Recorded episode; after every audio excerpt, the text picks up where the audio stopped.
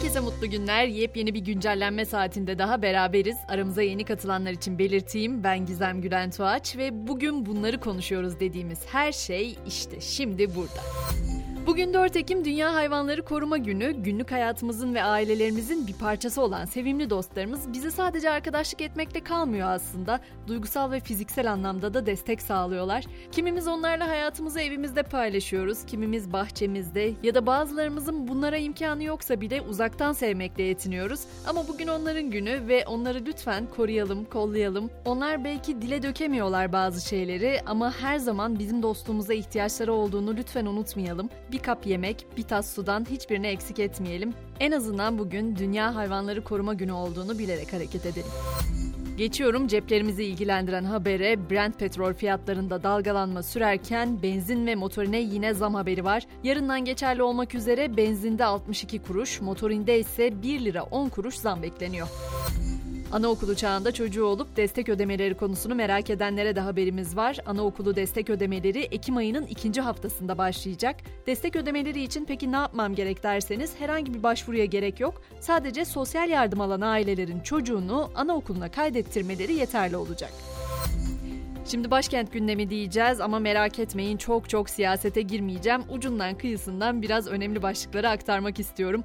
Meclis bugün 3 aylık aranın ardından mesaisine yoğun bir gündemle başlıyor. Görüşmeleri yarım kalan dezenformasyon yasası teklifi bugün genel kurulda değerlendirilecek. Aslında bu yasayı uzun süre konuşacağız gibi çünkü sansür yasası olarak da nitelendiriliyor bu yasa.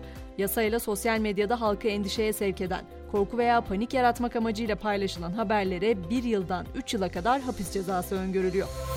CHP de bugün mecliste başörtüsüyle ilgili bir yasa teklifi sunacak. Parti lideri Kılıçdaroğlu teklifle kadınların giyim kuşamını siyasetin tekelinden çıkaracaklarını söyledi. MHP lideri Bahçeli ise şimdiden CHP'nin bu kanun teklifine destek vermeyeceklerini açıklamış bulunuyor. Hemen biraz Eylül ayı ihracat ve ithalat rakamlarından söz etmek istiyorum. Bu rakamlar açıklandı. Eylül'de ihracat %9,2 artışla 22,6 milyar dolar, ithalat ise %41,5 oranında artışla 33 milyar dolar oldu. Eylül ayında dış ticaret açığı ise %298,3 artışla 10 milyar doları geçti. Biraz dünya gündemi diyelim. Rusya-Ukrayna savaşı tabii ki üst sıralarda ama bu kez Tesla CEO'su Elon Musk'ın bu savaşla ilgili yaptığı paylaşımlar gündem oldu. Kırım'ın Rusya'nın bir parçası olduğunu belirten Musk, Ukrayna'nın da tarafsız statüye dönmesi gerektiğini savundu. Rusya'nın mı yoksa Ukrayna'nın mı parçası olduklarına Donbas ve Kırım'da yaşayan insanların iradesi karar vermeli diyerek evet ve hayır şeklinde oylamaya sunan Musk'a Ukrayna lideri Zelenski'den yanıt gecikmedi. Zelenski de hemen bir anket yayınladı ve dedi ki hangi Elon Musk'ı daha çok seviyorsunuz? Ukrayna'yı destekleyen ya da Rusya'yı destekleyen? Tabi dünya gündemi deyince biri bitmeden diğeri başlayan gerginliklerden söz etmemiz gerekiyor. Kuzey Kore'de Japonya üzerinden geçen kıtalar arası bir balistik füze denemesi daha yaptı. Japonya'da sirenler çalmaya başladı. Gemilere düşen nesnelere yaklaşmayın, halkada sığınaklara gidin uyarısı yapıldı.